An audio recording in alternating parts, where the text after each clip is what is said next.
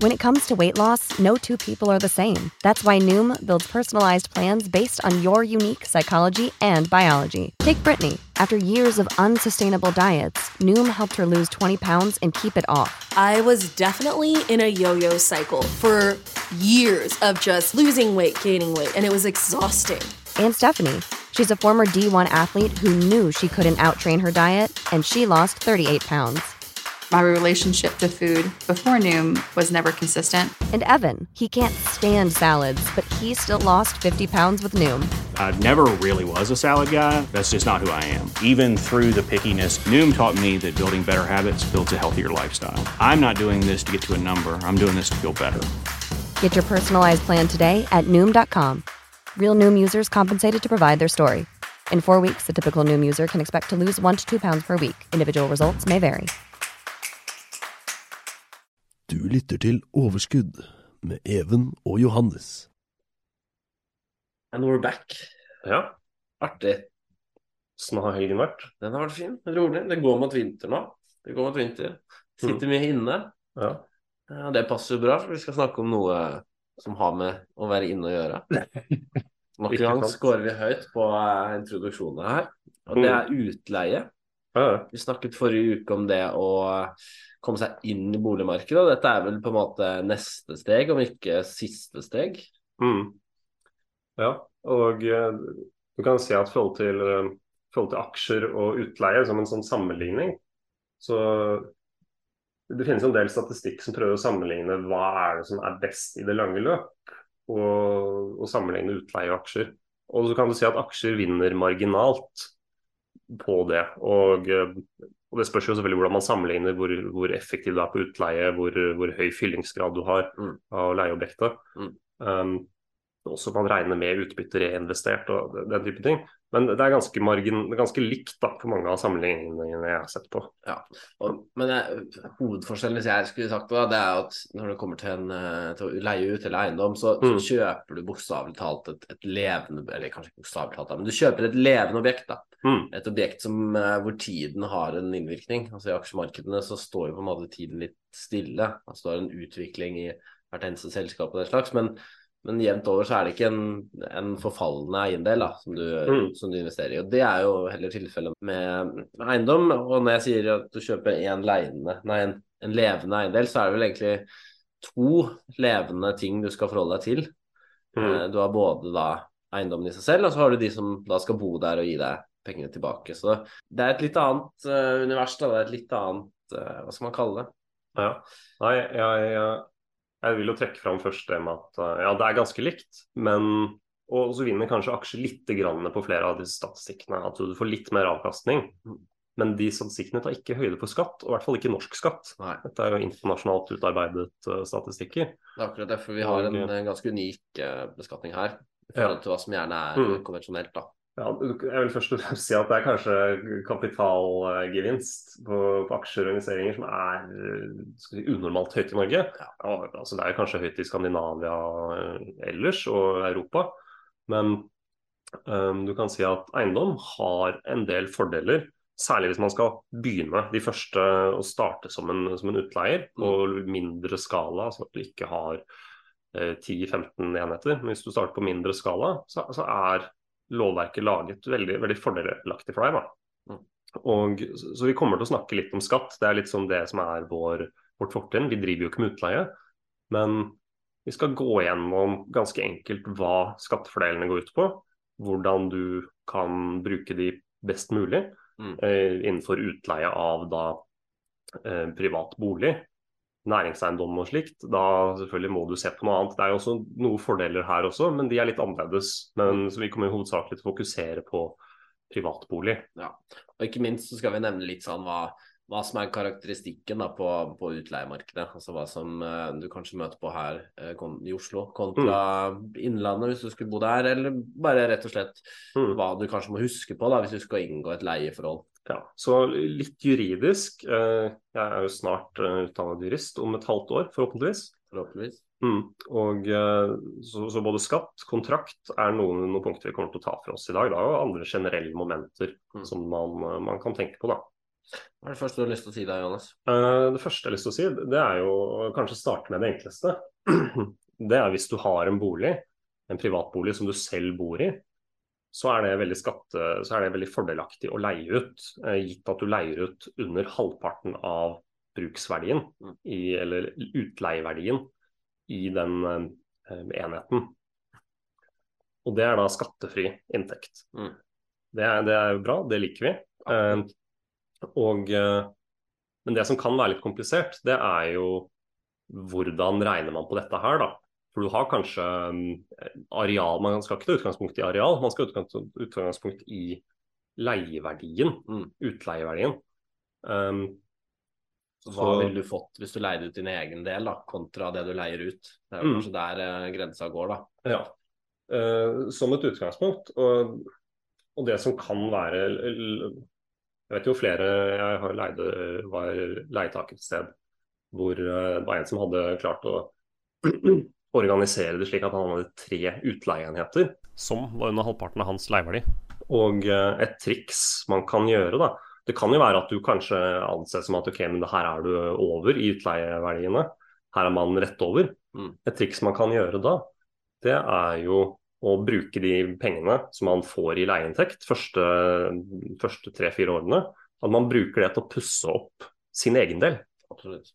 Og Da vil jo det- verdien. Korrekt. Og eh, gjør du det lenge nok, så, så vil du kunne argumentere for at den utleieverdien på din egen del er eh, over, over halvparten.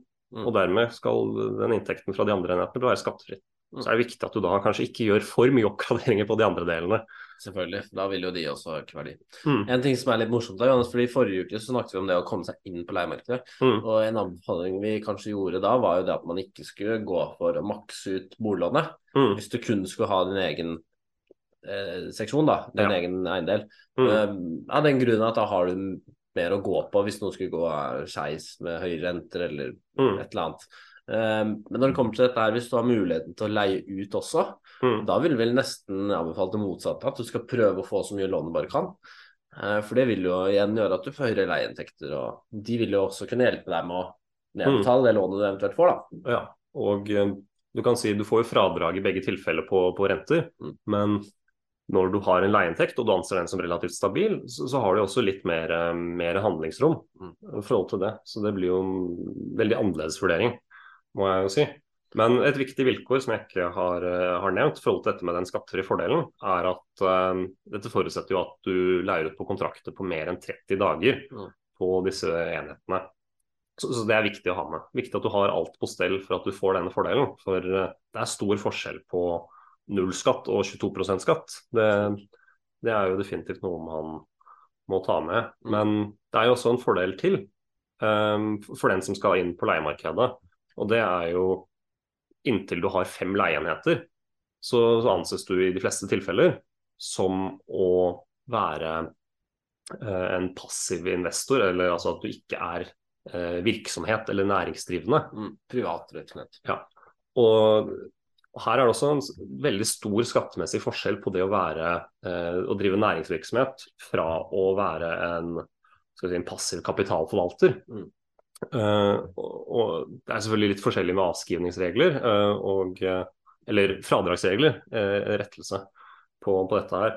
Men fordelen, eller forskjellen, er veldig stor. Mm. Så idet du går til å bli eh, næringsdrivende, så vil din eh, samlede skatt, skattevekt bli på 50,6% versus 22% hvis du da eh, har disse fire enhetene og, eller mindre og samlet sett ikke anses som eh, næringsdrivende. Så 22% versus 50,6, stor forskjell. Og det skal ganske mange ekstra enheter til da, før du kan begynne å se på det som ekstra lønnsomt å gå for næring, da. Eller mm. økt antall. Ja, så, men, men også Dette er jo en helhetsvurdering, da, for om du flyter over til å bli næringsdrivende eller, eller ikke. Mm. Og eh, du kan si gjerne jo mindre plikter du har, jo mindre du blander deg inn i og pusser opp og si, oppgraderer eller leverer andre tjenester, vaktmestertjenester til eh, utleierne, Mm. jo, jo nærmere blir du å være næringsdrivende. Og selvfølgelig, hvis du da si, oppsplitter disse fire enhetene i si, ti utleieobjekter hver, eller utleieenheter hver. Slik at du da har 40 leietakere på disse fire enhetene ved at du trikser og pusser opp og flytter vegger og gjør alt det som skal til. Så vil du jo fort også havne inn i kategorien næringsdrivende. Mm. Eh, og kanskje før du har eh, tre enheter òg. Så det, dette er en, si, en vanskelig gradvis vurdering. Men hvis du kjøper ja, vanligvis fire enheter og ikke foretar stor aktivitet, Mm. så, så Skal kan du klare å holde deg ja. på privatsiden. Mm. Det er det, hvis det begynner å føles ut som en virksomhet, så er det etter alt å dømme kanskje en virksomhet. Ja. Eh, Mm. Uh, Da bør man trå varsomt. Nei, men essensen her er jo at med mindre du har Mm. store planer, eller eh, det hørtes litt sånn skummelt, skummel ut, men med Mm. mindre du har store planer og en Mm. viss formening om hvor det, hvor det skal bære hen, Ja. eller bare vil ha bi- biinntekt, så, går, eh, så er denne fireenhetsgrensen kanskje litt sånn viktig. Eh, Som vi satt og diskuterte her, det er kanskje bedre å ha fire enheter enn det er å ha seks enheter. Mm. Så mm, det, det sier jo litt, da. Og så kan du kanskje si at uh... Vi møtte på litt uh, mikrofonproblematikk der, men Mm. jeg tror vi er good. ja, litt lite avbrudd, men uh, til, og videre til, eh, til fradrag.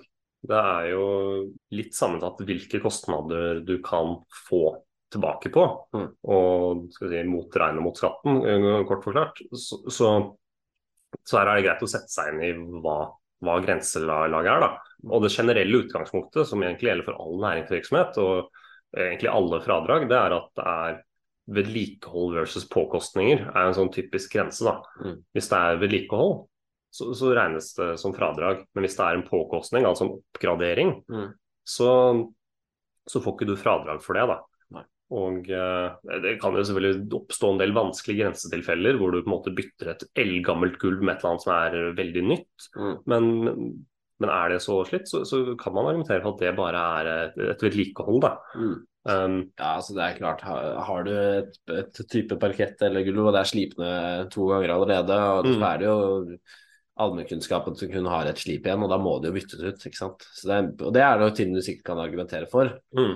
Um, men, men ja, det, som du sier her, kan det nok fort dukke opp litt. eh, Ja. Men du prøver ikke å si at kreativiteten setter grenser? Er? Uh, jeg, jeg har ikke lyst til å oppfordre til å være kreativ, Nei. men vær, når du skriver disse skattemeldingene, skriv grundige kommentarer der du forklarer hva, uh, gjerne detaljert, hva slags type uh, endring og si, tjeneste som gjøres. da, Mm. og, og beskriv den grundig. Så, altså er det kanskje at man kan få, hvis det er en påkostning, så kan du kanskje få en del av det som, en, um, som et uh, vedlikehold. da. Mm.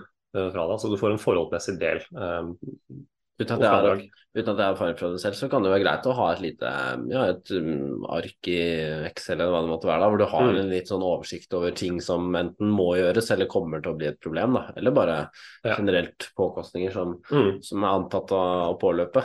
Ja. Og da vil jo holde lettere oversikt og, og litt sånn. mm. Et annet moment som kanskje det var kanskje mer fordelaktig å bruke det før enn det er nå, det, det er jo at man kunne få fradrag for strømkostnader dersom dette her var noe som var inne i leie. Altså at du som utleier er pliktig til å yte strøm, Mm. og at det da ikke er noe eh, leietaker betaler for. Mm. Og eh, problemet i dag er jo at eh, strømprisene har jo blitt veldig høye.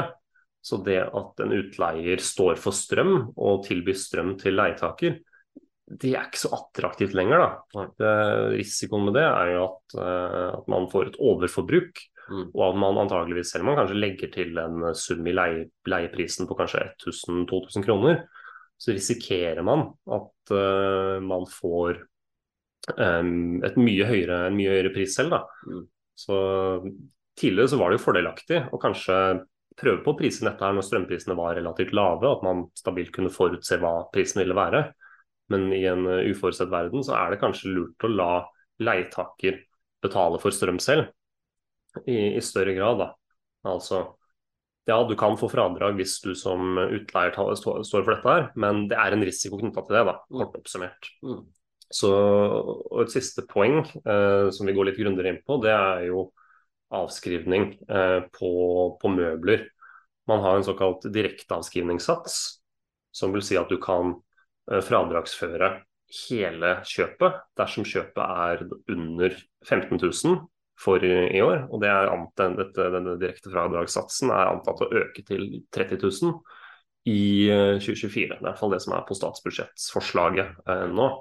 Og det tror jeg, tror jeg kommer til å bli vedtatt.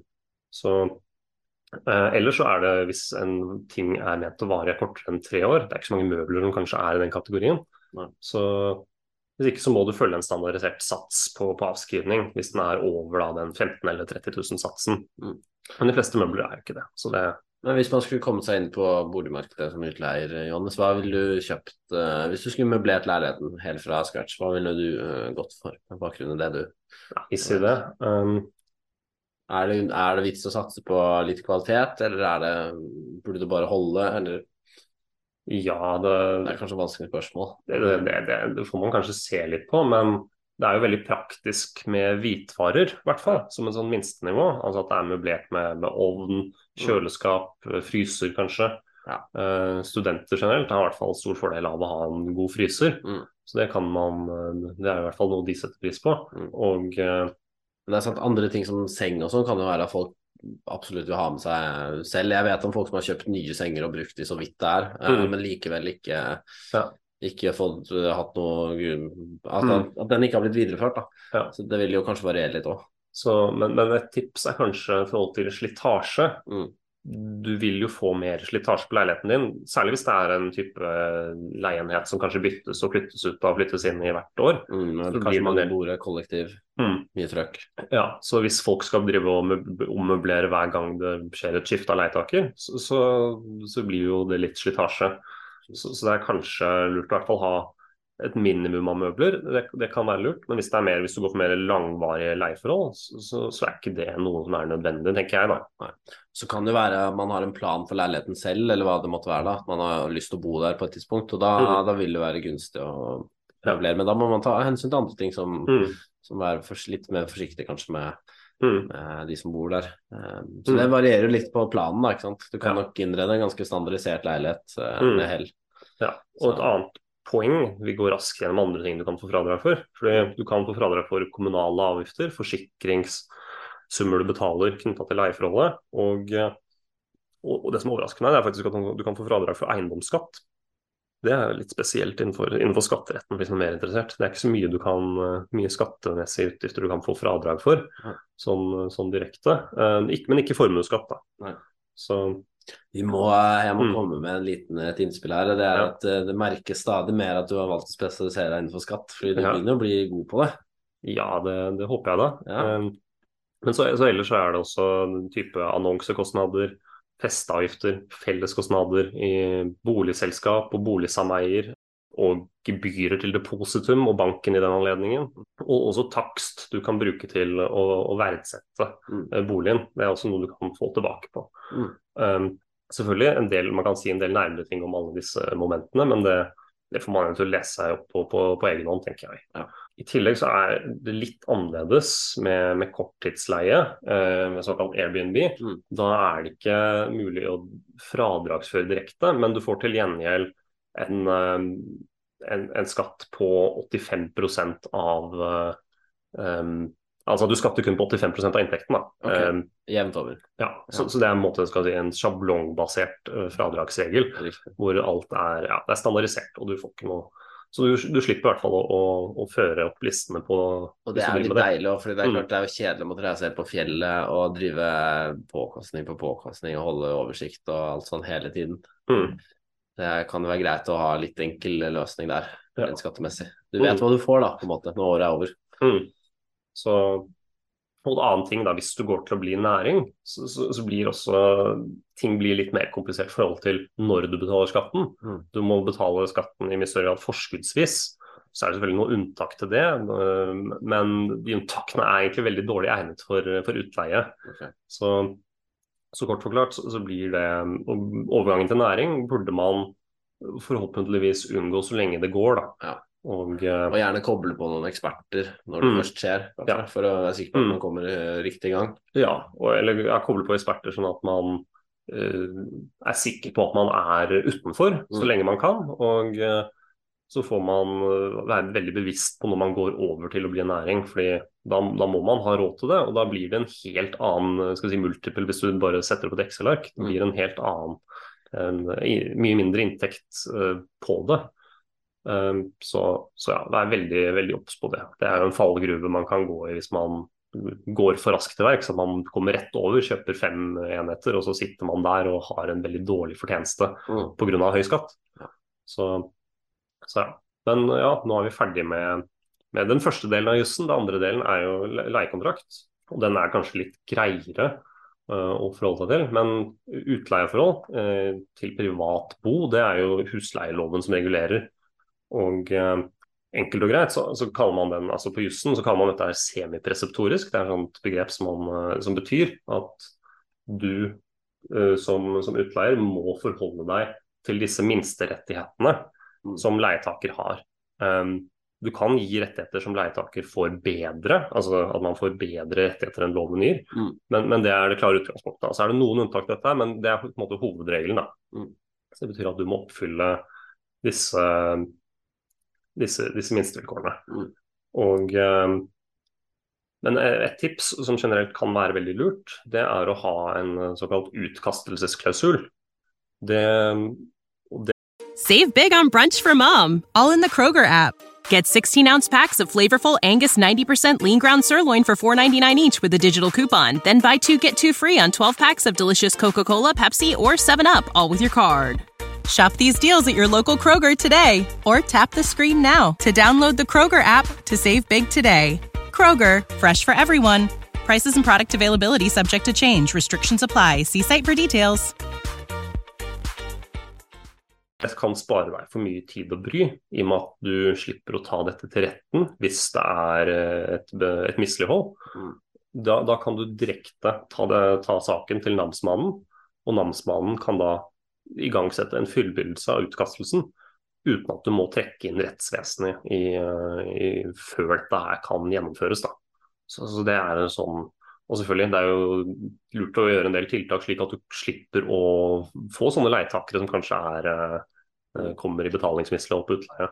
Og en ting du kan gjøre, da, du, for det er dette med utleie som vi snakket om, det er et levende vesen. Du må forholde deg til mm. både leiligheten og, og mennesket. Men en ting du kan gjøre for å unngå dette litt, da, det er å benytte såkalte mellom, eh, mellommenn. da, Som tar seg av selve leieforholdet og, mm. og, og administrerer boligen, ja. mot at de får en prosent av inntektene. Da mm. Og da vil det jo gjerne være forskjellig hvor mye de skal ha, men, men det varierer jo ut ifra ja. hvor mange enheter du har og hvor god kunde du er hos de, da. Mm. Men det er et alternativ. Si at du ja. ikke har lyst til å deale med dette mm. levende vesenet som både bor og er en leilighet.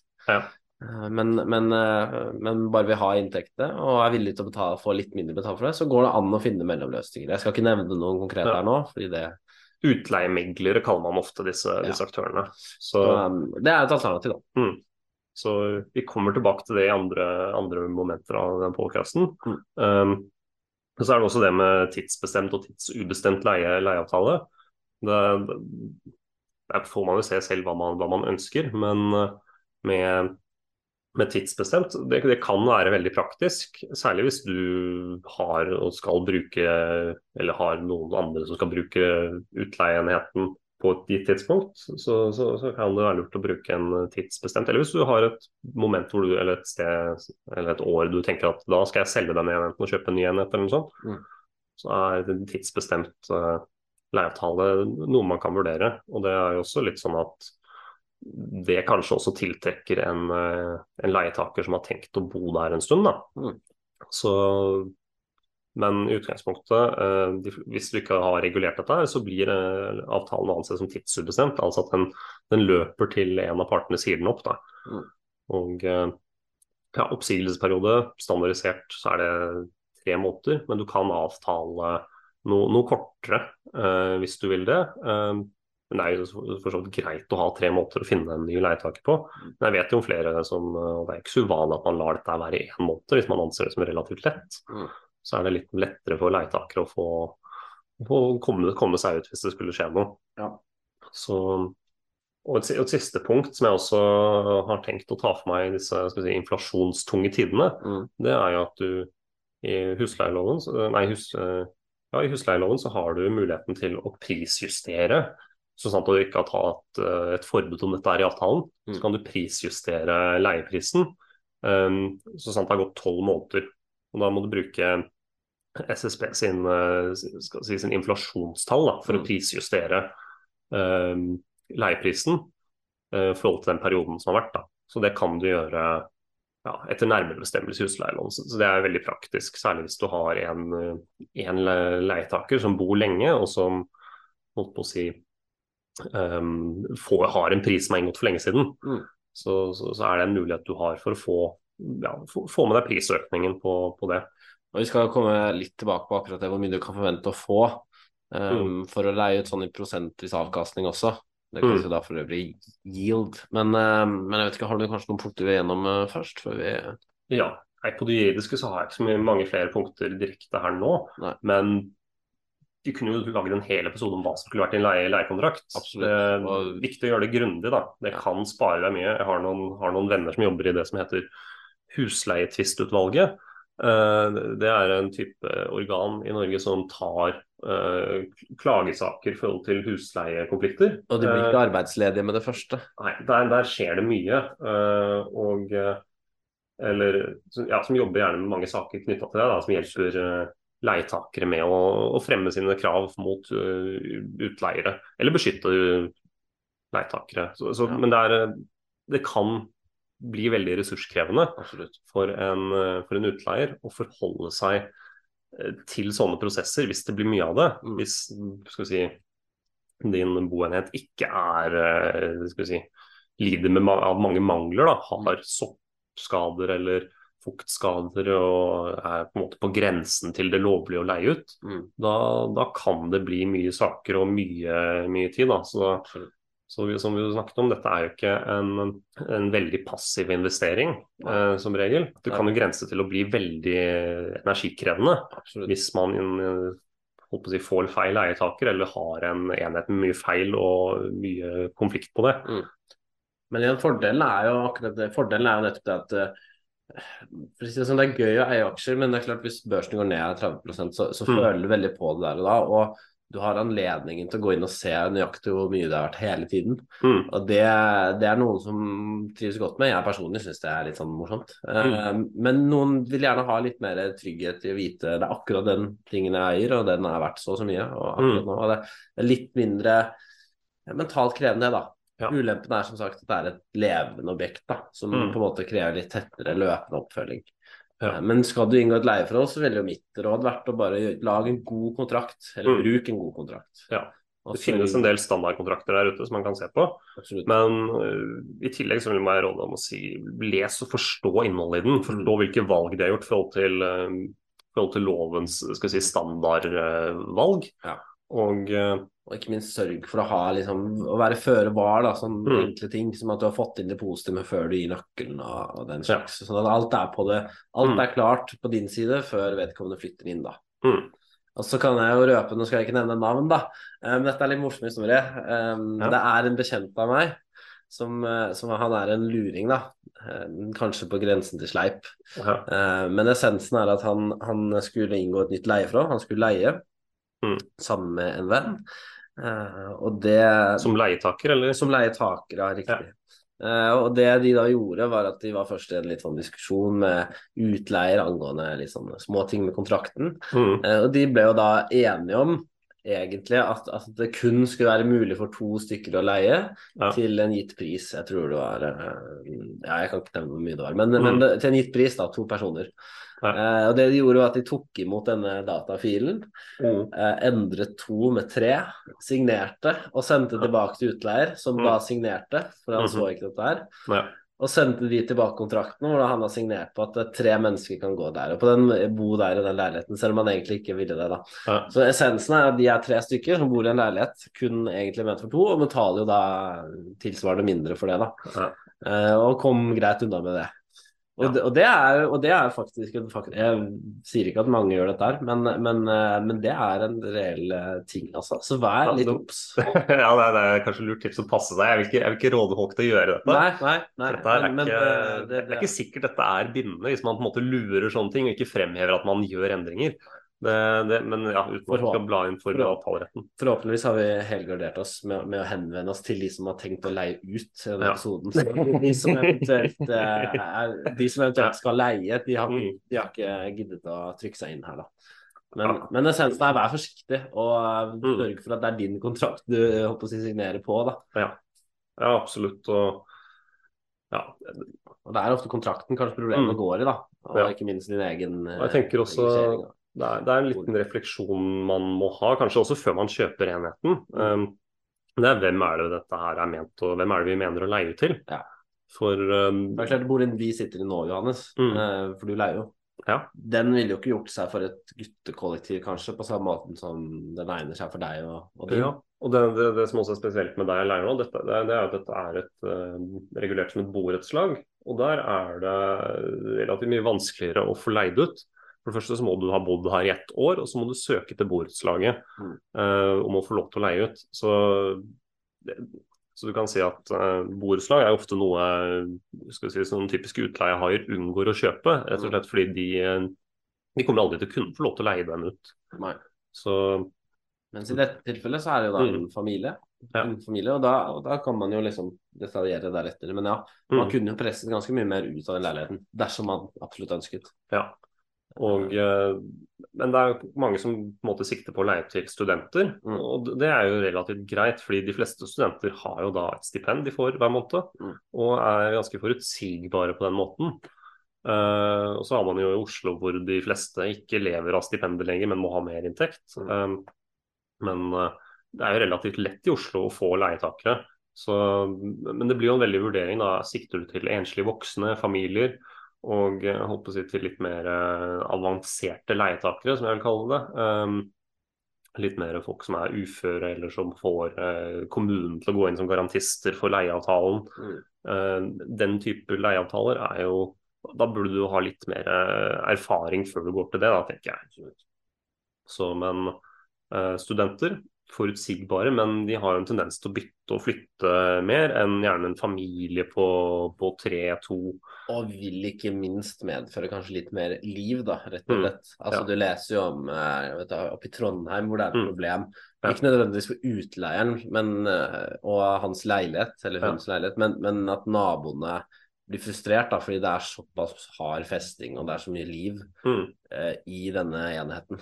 Ja. Så, så det er jo ulempen med studenter, da, at du Mm. kanskje du vil kreve litt mer eh, jobb. da, for Dette er unge folk som, Ja. som, som liker å leve Mm. som unge folk. Ja. Enkelt og greit. Men jeg vet jo også at det er, eh, det er faktisk mer og mer vanlig, overraskende nok, å drive og spørre om eh, referanser når man skal begynne å inngå leieavtaler. Det har jeg aldri spurt om, men det, det er tydeligvis ikke så uvanlig. da. Det er noe man kan også vurdere hvis man vil være veldig nøye på hvem man leier ut til. At det er ordentlige folk, og at det er folk som handler leiligheten godt. Og du ser, I Oslo har det nesten gått for langt. altså Der er det jo mange som sliter. altså Det er jo audition omtrent da, for å få bo i en leilighet. altså Det er helt eh, Mm. unntakstilstand omtrent.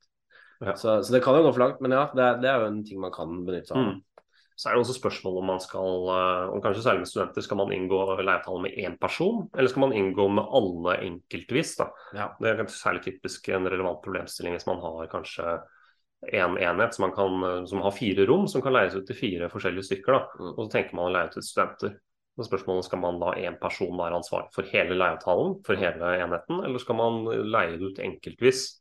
Og det, det er i forhold til hvor mye ressurser det er det tar, så er det jo veldig greit å leie ut til en som kanskje leier ut videre til vennene sine, Mm. eh, og som har en slags eh, adgang til å si, finne en ny leietaker. Men du risikerer jo også i mye større grad at de kanskje ikke klarer å betjene leieavtalen, eller at alle må flytte hvis én må flytte. Mm. Så, så det er kanskje litt vanskelig vurdering som man må, må ta litt nærmere på, kanskje. Absolutt. Hvis du er redd for dette her med støy og få naboklager og den slags, så, Mm. så har jeg vært i ganske mange kollektiv nå, og noen av Mm. disse her er jo lagt opp sånn at det nesten er umulig å gjøre noe sosialt. Det er jo Mm. egentlig litt negativt. Men det er klart, det er jo ikke alle som vil ha, ha et sosialt liv når de på en måte kommer hjem. Da vil de kanskje være i fred. Mm. Eh, skal ikke jeg snakke på vegne av folk, men essensen er at du kan jo tilpasse leiligheten til alt ettersom hva du, Mm. hva du ser fra, da, og Det er det som er litt sånn greit med leiemarkedet, at det er mye valgfrihet. da. Og også et annet uh, moment, når vi begynner å nærme oss slutten nå, Mm. uh, det, det er jo hvor i landet man skal prøve å, prøve å slå seg til som, uh, som utleie. Og her, her vil jeg gjerne komme med et innspill. For det er det hva du kan forvente å få da, sånn Mm. avkastningsmessig. Og noe mange ønsker å strekke seg etter, er jo kanskje 8% for det er Mm. liksom nærme det man kan få fra aksjemarkedet. Ja. Um, og essensen er at her er en fasit at det vil variere. I Oslo er det jo ekstremt tight eh, Mm. yield. Altså du får lite avkastning i forhold til eh, risikoen du tar. da. Eller Mm. det er det som er Det ble egentlig feil, fordi du får eh, betalt ut ifra risikoen du tar. Eh, skulle du leie ut næringseiendom på Aker Brygge f.eks., Mm. så vil risikoen være ekstremt lav og gilden tilsvarende. Nettopp av den enkle grunnen at skulle en må, eh, utleier måtte flytte ut, nei, mm. leietaker måtte flytte ut, Ja. så vil det være veldig lett å finne noen som kan erstatte det, den, Mm. den personen eller den bedriften da, på Ja. et sted som Aker Brygge. Derimot, hvis du eier en lagerbygning på, um, i Innlandet, Ja. Kongsberg eller um, Ja. Toten eller hvor enn det måtte være, Mm. uh, så er det vanskeligere å finne en egnet leietaker. Det Mm. kan til og med være umulig i enkelte tilfeller. Ja. Eh, og det er jo da reflektert i risikopremiumet, og ikke minst avkastningen du får. da. Mm. Så på Aker Brygge eksempel, så vil yielden bare kunne være noen få prosent. kanskje Mm. kanskje så lav som 2-3 prosent eh, når renten er lav. Ja. Mens eh, drar du til utlandet, ikke utlandet, innlandet og sånn, så kan du forvente godt over tosifret. Ja. Så det, det vil variere veldig. Mm. Eh, Og vi ser jo i Oslo er det jo ordentlig kriging om eh, Ja. Og du kan jo si at hvis dette prosjektet her kanskje først og fremst er en eiendomsinvestering, altså at du håper å få avkastning på prisstigning på selve eiendommen, så, så er jo kanskje Oslo med i samtalen igjen. Mm. Men når det kommer direkte å få et, en stabil yield på, på leie, leieinntekter, så, så får du det egentlig best, best i mindre steder. Og du, du finner jo kanskje studiemiljøer rundt om. altså ja, Kristiansand er Mm. kanskje også, også ikke så dumt. Eh, Bergen også betydelig ja. Ja. Det er jo betydelig lavere priser der, og fortsatt ganske høye leiepriser på, i mange av de byene. Absolutt. Så der er det jo en vurdering du må ta. Men så er det jo sånn at hvis du leier, eh, leier ut til en annen by enn du selv bor i, Mm. så, så er ikke det så rett fram. Du kan jo da, ja, som vi nevnte, benytte en utleiemegler Mm. eh, som tar en cut. Eh, men det er jo Det blir jo litt mer fjernt, og det, du, du får jo ikke ja, du får ikke like bra yield hvis du bruker en utleiemegler heller. Da, da blir det jo en cut på det. De tar jo Mm. sin andel. Ja. Så essensen er at du får det, du, det er jo det som er fordelen. Da. Du kan jo velge litt. Mm. Uh, og en profesjonell nærings... Altså Mm. Selskaper som driver med dette, her, vil jo ha en balansert portefølje. ikke sant? Det er Mm. noen store inntekter og noen Og så er det dette her Prøve å legge opp eh, Kanskje det er jo next level. da, Legge opp til ut ifra hvordan samfunnet utvikler seg. da, Så at dette området kan bli mer attraktivt etter hvert, f.eks. Mm. Ja. uh, på den måten sikre deg en god yield umiddelbart. Så, til lavere Mm. risiko enn tilfelle. Men men det er mye forskjellig, men i Oslo generelt så er det lavere yield å få. Og Mm. yield er jo rett og slett da leieinntekt minus utgifter Mm. delt på eiendommens uh, verdi, da. Ja. Men, uh, men risikoen er desto lavere også. Det, vi snakket om at det er krig nærmest å få flytte inn i en ledig utleieleilighet i Oslo. Mm. Eh, mens i andre steder så må du kanskje krige for å få noen til å bo der. Ja. Så det er, det er en vanskelig avveining, kanskje. Eh, Det, det føles jo Har du en rente som belager seg på å få leieinntekter, som de fleste som driver med utleie har, så, så er jo det det er jo derfor mange velger Oslo, fordi det føles veldig trygt å velge den, de sikre 2-3 prosentene med yield. Ja, eller hva det enn er nå, da. Mm. Det var i hvert fall det for noen år tilbake. Så, men med høy rente så blir dette kanskje en, en, et skumlere valg hvis man skal velge andre steder. Mm. Så, så ikke, ikke ta lett på det valget. Nei. Det, det ville ikke jeg ha gjort. Essensen er at det er forskjell på å leie ut et uh, fabrikklokale på Kongsberg kontra en uh, tremanns uh, leilighet i Oslo. Mm. Og det må man være klar over. Men i begge tilfeller så er det levende leietakere. Ja. ja, absolutt. Så det, det, er som, det er som du sa innledningsvis, det er ja, levende objekt. Og det, for de som tror dette er en passiv investering hvor du kan sitte tilbake, ja, det, det, du kan kanskje klare, komme deg unna med én en enhet som du leier ut, og kanskje det er din kjeller eller noe sånt. Det, det, kan oppfattes som ganske passivt, men idet det blir eh, ja, tre-fire enheter, så, så, blir det litt jobb Absolutt. som du må sette av mye tid til. Og har du en jobb på siden nå, eller som en hovedjobb, så, så kan dette her bli en, bli en hodepine for den som ikke er forberedt, og den som ikke tar, eh, og tar dette her, ja, ser på det som en oppgave er. da. Men Fordelen er jo litt eh, det går tilbake nå, uten at vi skal gjenta oss eh, selv i evigheter, men fordelen er at du slipper å ha en mann som på en måte en figurativ mann da, som løper inn i stua di og roper verdien på boligen din ja. og spør om du er villig til å selge, om du er villig til å selge. Ja. Eh, på daglig basis flere ganger på dagen. Det slipper du jo, da. Mm. Det er noe vi må forholde oss til, som har ganske mye posisjonert i markedet. Ja. At vi har tilgang til det hele tiden. Mm. Så, så, det har fordeler og ulemper, men jeg håper vi har gitt litt forklaring på, på hva de er. Ja, og Kort oppsummert så er dette her uh, skattemessig en av de greieste måtene å bygge opp uh, si, verdier på i Norge. Det, det, det, er jo det. Uh, du kan si at du må få, du må få en del meravkastning i aksjemarkedet for å kompensere for de, de skatteulempene det, det har i forhold til å drive si, ikke-næringsvirksomhetseiendomsutleie. Og, det, og, her vil det variere med risikopremien, selvfølgelig. Men essensen er jo at i Norge, ut fra skattesatsen vi, vi betaler, mm. så er aksjer veldig urettferdig skattet da, i forhold til risikoen du tar. Ja, jeg, jeg syns i hvert fall det. Ja, man skulle gjerne blitt skattet mindre for å ta mer risiko. Det er jo ren økonomisk eh, mm. logikk da, som, som, blir brukt andre steder i verden. Mm. I Norge har vi gjort det motsatt. Eh, og grunnen til det kan man gå i dybden på. Eh, men det er ikke vår oppgave. Det er ikke vår oppgave i dag, i hvert fall. Mm. All right. Da håper jeg at man har fått uh, hvert fall noen juridiske poeng å tenke på. Og det er jo mange utleiere der ute som har erfaring med dette her, og som har, og det er mange som selger kurs på utleie. Jeg får masse sånn opp i feeden min på Facebook om forskjellige aktører som tilbyr å, å selge deg kurs på utleie. Jeg, jeg vet ikke hvor godt, godt innhold dette her er. Um, men du finner nok aktører som har også mer, en mer praktisk erfaring enn oss. Mm. Jeg nok vil anbefale at du forsøker å gå ut og få litt, der, få litt uh, deres erfaringer også. Mm. Så, så i hvert fall vi delt det, det, vi har, og det jeg har fortrinn på, som er skal vi si, juss. Mm. Så håper vi folk har litt fordel av det. Absolutt. Mm. Vi, uh, vi ses. Vi snakkes. Du lyttet til Overskudd med Even og Johannes. Save big on brunch for mom, all in the Kroger app.